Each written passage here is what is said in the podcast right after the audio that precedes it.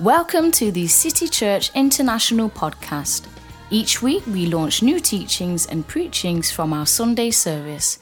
We hope it will encourage you in your relationship with Jesus and empower you in your everyday life.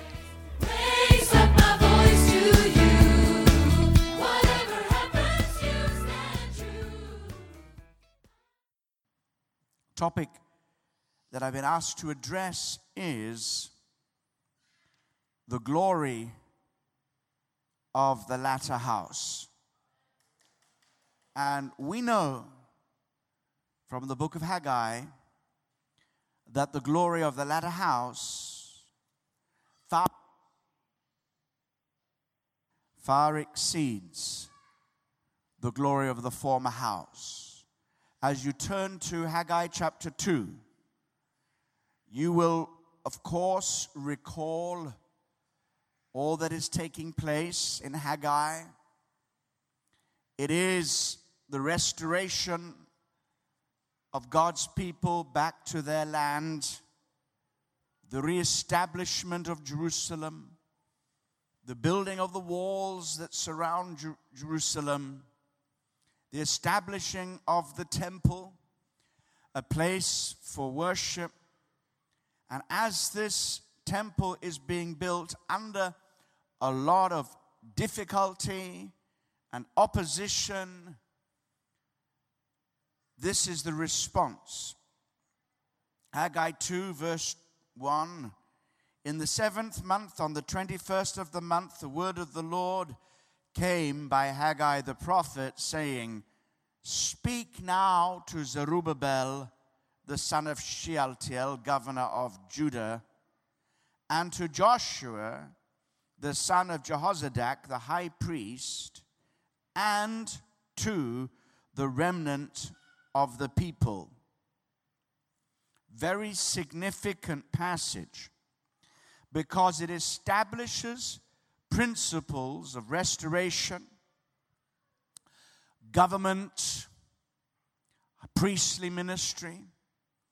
We won't go into that, but there is also the ministry that rests on the shoulders of the remnant of God's people. In every generation, in every situation, no matter how difficult it is, how apostate it appears to be, God always has a remnant. And I believe that there is a remnant of God's people whom God has charged to become glory carriers because there is a plan and there is a purpose, and God will fulfill his purpose. Jesus said, I will build my church, and the gates of hell and death shall not prevail against it. Paul says in Ephesians chapter 3 Now to him be glory in the church by Christ Jesus in every generation. It is God's plan to bring glory to his name through his people, the church. So we go back to the prophecy of Haggai, verse 3. Who is left among you who saw the temple in its former glory? And how do you see it now in comparison with it? Is this not in your eyes as nothing? Very interesting. Because the Bible says that God's glory is an ever increasing glory. And we thank God for what He did in times past. But as we say in the words of the great baseball player Yogi Berra, you ain't seen nothing yet. God has a greater plan and a greater glory that will yet still unfold upon this earth before Jesus returns because he is going to get glory to his name through the church of Jesus Christ. So Haggai says, I know what you're thinking. When you look back, if you remember all those years ago, the glory of that former house, Solomon and all that he did, and all the wealth of Solomon, all the glory, and it was such that the Queen of Sheba was completely, completely taken aback, and that house was glorious. And you look now at this house, this house, and you say it is nothing by comparison.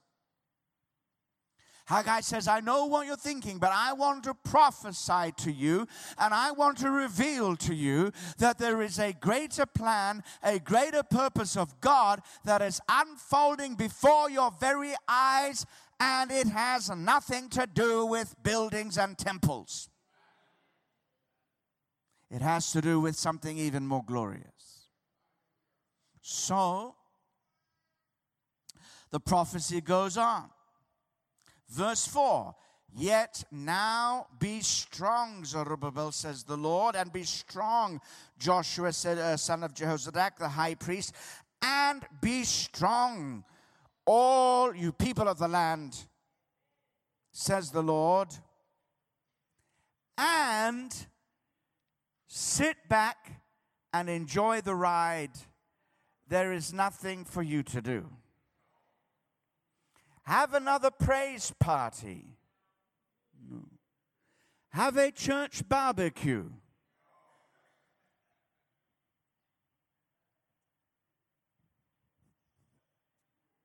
Oh, be strong, all you people of the land, says the Lord, and work. Work. Amen. In other words, God has got a plan and He wants you and me in on it, and everybody has a part to play. This is not pulpit talk. This is not preacher's talk. This is Bible talk. Every single person of God has the Spirit of God, is called to carry the glory of God, is called to build for the kingdom of God, and is called to build for the glory of God. So he says, be strong and work. Now there can be no redundant, lazy people in the body of Christ.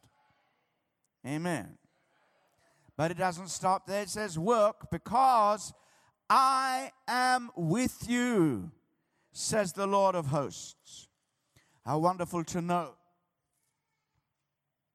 that the promise of God is that He is with His people. He will never abandon His people. No matter how bad it looks, and no matter all the difficulties that we go through, God is not giving up. He's not giving up on His people. I am with you. That's what makes us special. And he said, I re- remember I told you this. The next verse goes on. Remember, I told you this according to the word I covenanted with you when, when you came out of Egypt. So my spirit remains among you. Do not fear. I like this. Because, uh, you know, Wilberforce said, don't just look at what the devil is doing, look at what God is doing. I like that. Because the devil's doing a whole lot, brother. But we don't look.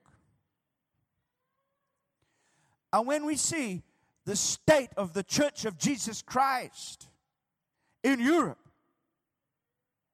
and we see the low levels of discipleship and commitment, 25 years I've sought to build for the kingdom of God in London. And today, I'm saying the same thing that I said 25 years ago, which is somehow to see God's people rise up and uh, become on fire for Jesus. One of the things that people who have been sent here by whatever vehicle, bus or train or whatever vehicle, is to bring some fire. Now, I'm born in Africa and I minister in Africa a lot, and I know when I talk about African fire, I know what we're talking about. And, and sometimes I say to myself, is anything ever going to change? And many people say, well, you know, stop being so pessimistic. And they will quote growing churches, big churches, growing churches, thousands of people stolen from all the churches around. Okay. They call it transfer growth. Now, I'm not criticizing what people do. But I say, wi- will you forgive me if I don't shout as loud as everybody else when I see this? Because I know that Jesus says, make disciples. He says, I will build my church, make disciples. Make disciples. Don't try and build don't try and build your church. It's not your church, it's Jesus' church. He didn't say, I will build your church. He didn't even say, You will build my church. He says, I will build my church. You make disciples. I will build my church. You make disciples. And the, what is coming on Europe, in Britain, and across Europe, we ain't seen nothing yet of what the enemy wants to do and shall do. But God is in charge of all things. And out of that, God's purposes will be clear, and a purified church shall arise. Men and women of faith who will go back to the book and begin to do what He told us to do in the beginning. Amen and amen. So, here he says, verse 6 For thus says the Lord of hosts, once more, and it is a little while, I will shake heaven and earth and sea and dry land, and I will shake all nations. Haggai is prophesying. He said, You see this building? You say it is nothing by comparison to the building that stood here before. Solomon's temple was glorious. This is nothing by comparison, but let me tell you, this is not the fulfillment of God's glorious promise. Do not think that the temple in Jerusalem that was built was in any way the fulfillment of the restoration of the glory of God to Israel. No. It was a stepping stone. And it, well, here is a prophecy saying this house speaks of something that is yet to come. And when it happens, all nations shall be blessed by it. So Haggai said, This building that you see is not the fulfillment of restoration of the glory of God to Israel. It is a marking post. It is a prophetic building that points to a temple that is to come. And the temple that is to come is a temple that will carry my glory to the very ends of the earth, and it shall touch all nations. So he's saying, don't worry about the size of this building. This building isn't big enough to carry everything. Okay, then we come to the verse. Verse 8. Verse 7 And I will shake all nations, and they shall come to the desire of all nations. Who is the desire of all nations? Who is the desire of all nations? This is Sunday school. You can say the answer is Jesus. He is the desire of all nations. Haggai is prophesying of the coming of Messiah, who is the desire of all nations. The silver is mine, the gold is mine.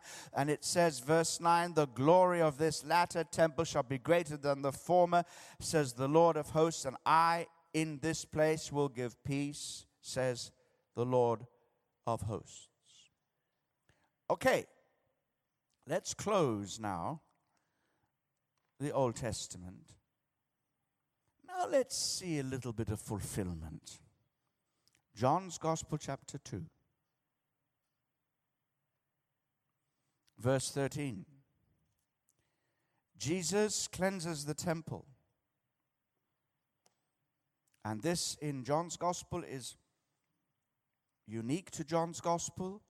The synoptic Gospels, we read of the cleansing that happened at the end of Jesus' ministry. This is early record of Judean ministry. So Jesus cleansed the ministry, cleansed the temple at least twice.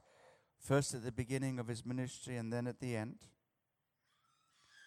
And you know what he did? He drove out all the money changers, house of merchandise. In verse 17 it says, Then his disciples remembered that it was written, Zeal for your house has eaten me up. And you remember, the house was to be a house of prayer for all nations. So the Jews answered and said to him, What sign do you show us since you do these things? In other words, who are you to think you can behave in this way? Verse 19 Jesus answered and said to them, Destroy this temple, and in three days I will raise it up. That's the sign you will be given. Then the Jews said, It's taken 46 years to build this temple, and will you raise it up in three days? But he was speaking of the temple of his body. Therefore, he had risen from the dead, the disciples remembered it. Okay. The temple of the Lord, when Jesus was incarnate on this earth, was Jesus himself. That's the true temple. Jesus himself. He said, Destroy this temple, my body, and I'll raise it up again. Jesus is the living temple of God on this planet, on this earth. We've missed that. Because you see, we are looking for the restoration of the glory of God and some building, but God did not send a building. He sent a man, He sent a servant, He sent His Son. He said, A body I have prepared for you. What do you think Jesus was doing in those three and a half years of ministry? Was he just fulfilling prophecy? Was he just preparing for the cross? Or did he have a mission? And he had so many things to say, so many things to do, but one thing he did, which is very clear, he was building the basis of a new community, a new temple community. And at the end of his three and a half years, when he went in deliberately to cause havoc in the temple, and at that moment the whole temple apparatus came to nothing, it was all stopped because Jesus was saying, I am the true temple of God. I and the people whom God has given me, we are the glory carriers, and there is a glory coming on this community that shall be the fulfillment of the Alpha and Omega purposes of God.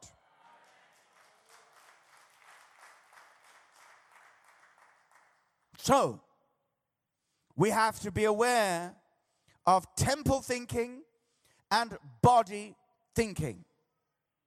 It took a long while for them to get out of their disease called templeitis. Stephen was stoned to death because he preached a word that said, God does not live here. God lives everywhere. Even our father Abraham, God appeared to him while he was in Mesopotamia. And Mesopotamia is not Mount Zion. It's not the holy temple of Jerusalem. There was no such thing. But God still managed to reach Abraham. God is a God who cannot be contained in a building made with hands. So don't look for some temple to be built on the earth. You are the temple of God. It is not about a building, a third or fourth or fifth temple to be built somewhere in the Middle East. No, you are the temple of God. We are the temple of the Lord, and we are destined for the glory of God. And the promise the glory of this house shall be more glorious than that of the former, this latter house. The church of Jesus Christ is that temple and carries that promise. You got it? Okay. So now we think temple and we also think body. Paul picks us up in Ephesians chapter 4 when he gives us a glimpse of that future glory that is going to come, that latter day glory that is going to come upon the church of Jesus Christ. And this is the program. And every day, every day, every year, every decade, every generation, we get closer and closer to this. This is the master plan. This is what we work for. This is the vision that God has for us. And I'm just going to go to the finished product. I'm going to show you the brochure of the finished product. You know, we could go back and talk about how we work towards it, but every day that we are serving Jesus, every day that we're preaching the gospel, every day we're building one another up, every day that we're showing up to represent God, to represent the kingdom, to reach out in our communities, to do what Jesus called us to do, every single day that we do these things, God's plan is unfolding. And here's a glimpse of the glory of the latter day house. Many of us think about going back to the early church, the church of the apostles. And we say, How wonderful to live in the generation in which Peter's shadow healed the sick.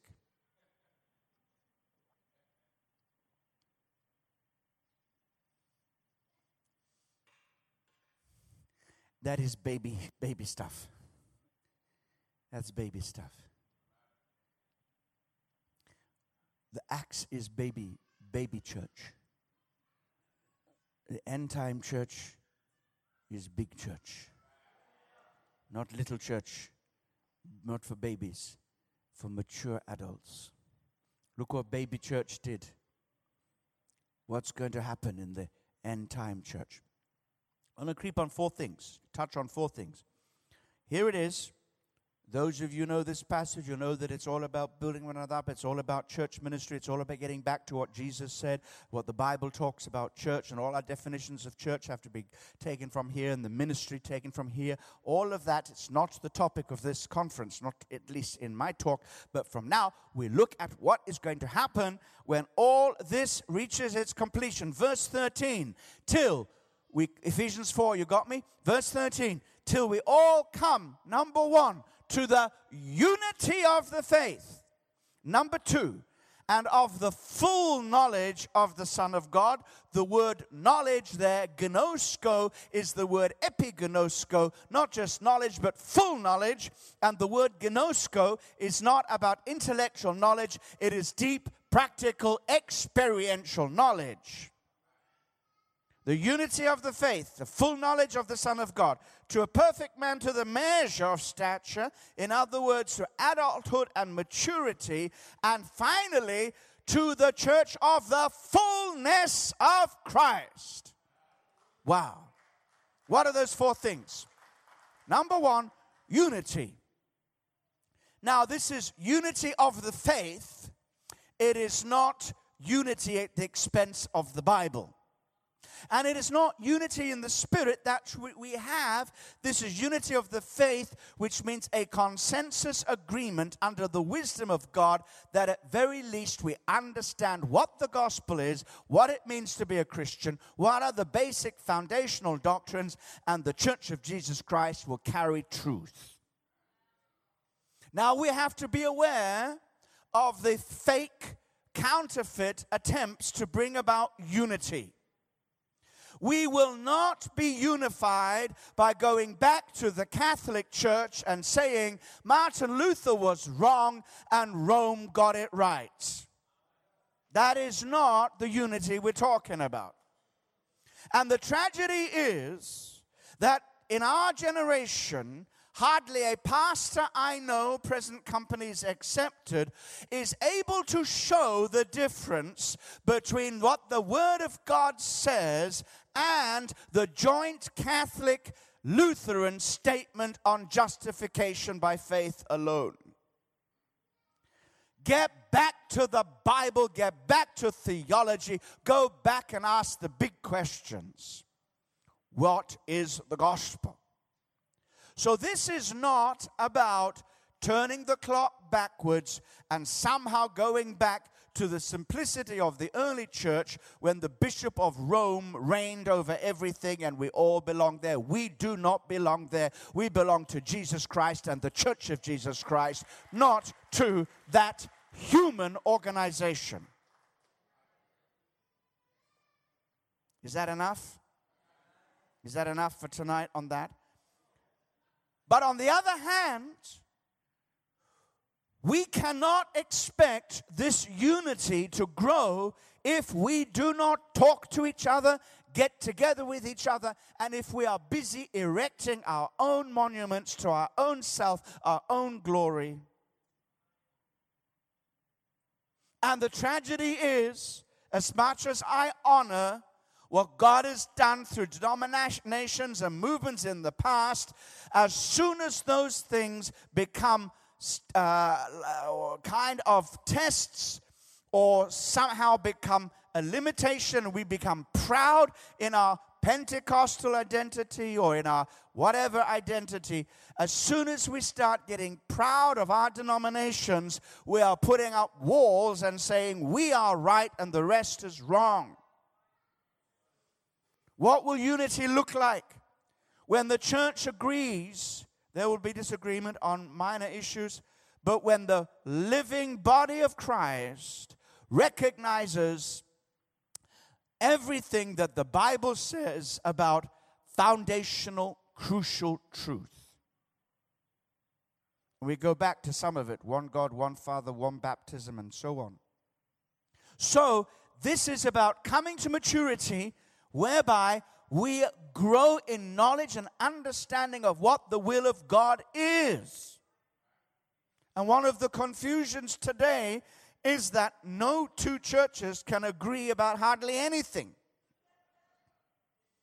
And all over the world, there is not even genuine agreement about how even to become a Christian or what a Christian is. How can we present Christ to the world? No, no. But that's a sign of immaturity, division, and so. There'll always be false doctrine that the church will have to deal with. It's not that everybody's going to believe everything the same. There's always going to be heresies and stuff we have to stand for, but we must grow in the truth. And I implore you, men and women of God, to get back to the book and give it everything you got under the inspiration of the Spirit because we need to understand what we believe and why we believe it and be strong in the faith. This is about doctrine and understanding and revelation of the Word of God. Don't play games with it. Get into the Bible. Make sure what you're preaching is the Bible, not just a nice sermon. Unity of the faith. Secondly, the full knowledge of the Son of God. Wow. Okay. First of all, it is epignosko, the full knowledge. not just partial, partial knowledge, full knowledge of Jesus, which is knowing Him deeply and experientially, not just knowing about Him. Have you met anybody that knows God? Wait, I mean, really knows God.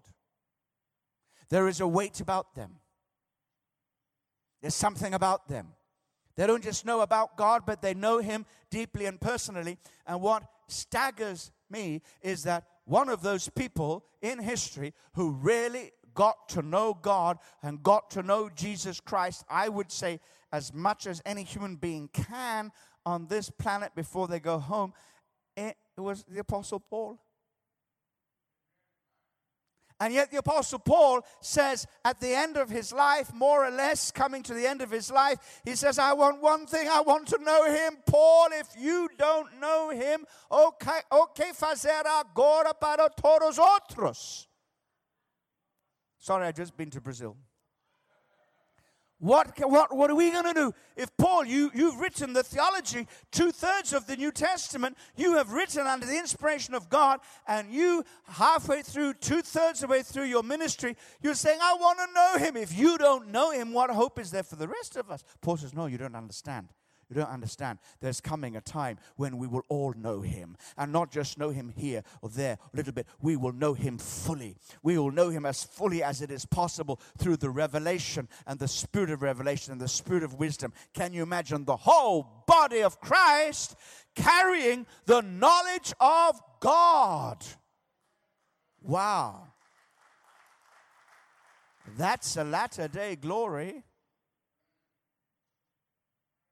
Then it says maturity, adulthood. And I, I like this because it means we're going to grow up. The church is going to grow up. And the church is going to grow to maturity.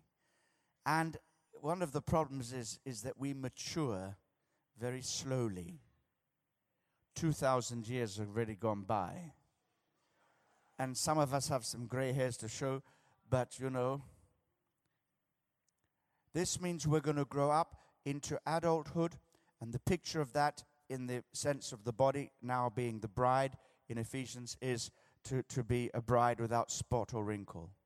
You know, without adolescent spots or old age wrinkles. It's just a, a woman in all her beauty, in all her adulthood, in all her maturity, but glorious, glorious and that's the same picture here. And what's interesting to me is that that you know i i i i you, there's certain jobs you can give to children, and there's certain jobs you can, you must give to adults. Okay, and uh, so I, I believe Jesus can't wait for the church of maturity to arise so that if the baby church achieved what it did within three generations or three, three, three, mi- 300 years, the whole of the world was taken over by the Christian faith. And that was a baby church at work. What will this be? This will be the body of Christ rising up in stature and fulfilling the job that God has given us to do. The job's going to be finished, and we're going to do it. Final word here to the measure of the stature of the fullness of Christ. That's a bit strange. The fullness of Christ. What is that? Fullness of Christ. In Ephesians chapter 1, it says the fullness of Christ is the fullness of Him who fills everything in every way. Meaning, it's the presence of Christ. Christ's fullness is already all over the universe. He fills everything in every way. But what God did was take that fullness, the presence of Jesus, and give it as a gift to the church of Jesus Christ. Ephesians chapter 1. The fullness of Christ is the presence of Christ dwelling in his body. Now, he says the same thing in chapter 4, fullness of Christ. So is he just repeating himself or is there a difference? There's a big difference between Ephesians chapter 1 and Ephesians chapter 4. And here is the difference. Ephesians chapter 1, 2, and 3 is talking about spiritual realities. It's talking about spiritual principles, the things that are true, whether you experience them or not, whether you know them or not, whether you feel them or not, they are true of you. This is who you are in Christ. This is who Christ is in you. Now, from chapter 4 onwards, it changes. He now talks not just about what is true of you in Christ, he talks about you taking what is true of you in Christ and experiencing it and living it out in your daily life.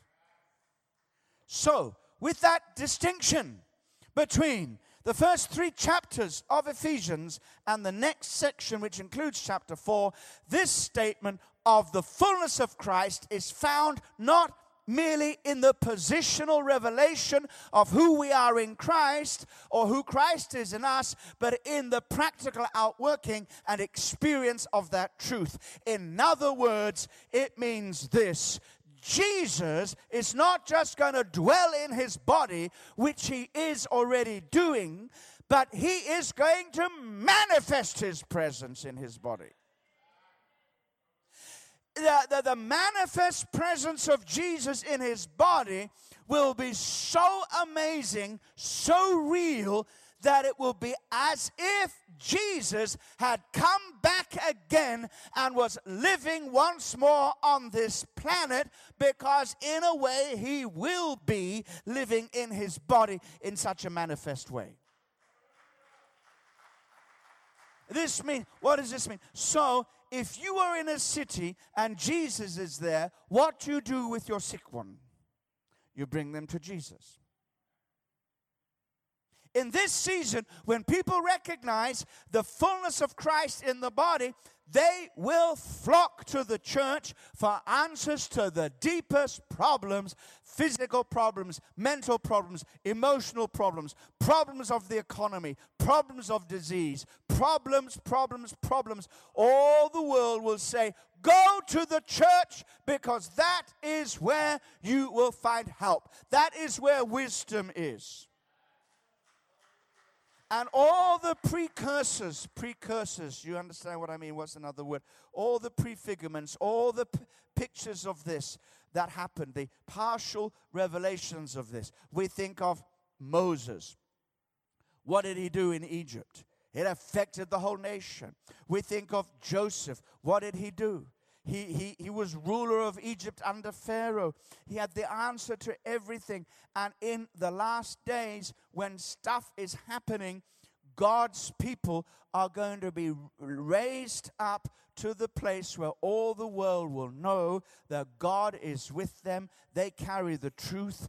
Their God is the true God. And if you want help, you go to them. That's the glory of the latter day house. And it is at that time the full restoration of Israel because it'll be the end of the exile.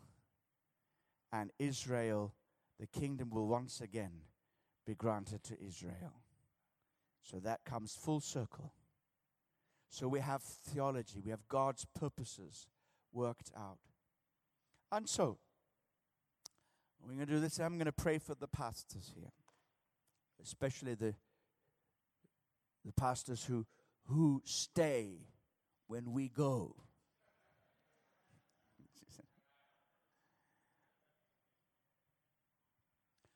Here's my word get with the program. Now, you know, it doesn't mean to say that we, we're going to live in this moment of glory and anticipation every day. No, because we've got to come down from the vision and, and get down there where it's worked out. And tomorrow will look like yesterday when you get up and prepare your Sunday sermon. When you reach to that person next door and you deal with that complaining church member and all the stuff that goes on, the daily work. But we know that something is happening that is bigger than us all. And we know all the principles that lead us there the building up of the body of Christ and doing things God's way, surrendering to the Spirit, the fivefold ministries, every membership involvement, all that stuff that has been the subject of many conferences already and more to come. But it's about knowing that we are working for a greater vision than anything we could anticipate on our own. And it is not about building the church as a barricade against Antichrist and the rest of the world. It is coming to the place where we can be God's effective agent in reaching out to people and making a difference in our society. Don't think that the glory that comes on the church is only going to bless the church it's going to bless the nations. And it's going to cause us to build for the kingdom in such a way as we will never regret having done so. The end result is not the destruction of the earth and we all go to live with Jesus in heaven. The end result is a new heavens and a new earth. And everything we've done, wherein dwells righteousness, everything we've done for the kingdom will last the final test. And so we invest in this world. This world belongs to Jesus. We don't pull away from it and sing hymns and hallelujahs. We get into this world and bring God's kingdom to bring the kind of changes. Our goal should be to make earth as much like heaven as we possibly can make it until Jesus returns to, to get the job done fully. So, this is God's people being effective, carrying God's glory into every part of society, to every domain. You mentioned the seven mountains of influence. We call them the giants of influence in London. Whatever you call them, they're big and they need dealing with. And so the church is nothing more than the body of Christ set to work in the world. I'm going to finish with this because I'm about to start another sermon if I'm not careful. Finish with this. I say to my people in London, most pastors will be very, very happy and consider themselves to be successful and say, Job done, when every person in the church has got a job of work to do in the church. Cleaning the brass, sweeping the floors, welcoming people, taking care of Sunday school. And I say, no, no, no, no, no, no, no, no. We need all that, but we haven't even begun. My goal is not that people work, do a work in the church, but we put the church to work in the world. That's the big difference. And this is the kind of church that is emerging, and increasingly leaders are talking about it and wanting it. And I believe it's good signs in our generation, even if we might not see it in all its fullness. I don't know, nobody knows that. We're going to we're going to want to leave it closer to the picture that God has given us than when we first had it. Let's pray.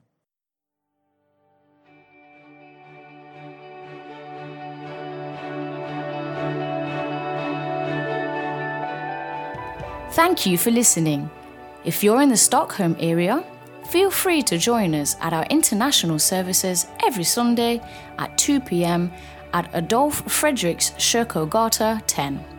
If you'd like to know more about Jesus or for any other information, please do visit us at ccistockholm.se.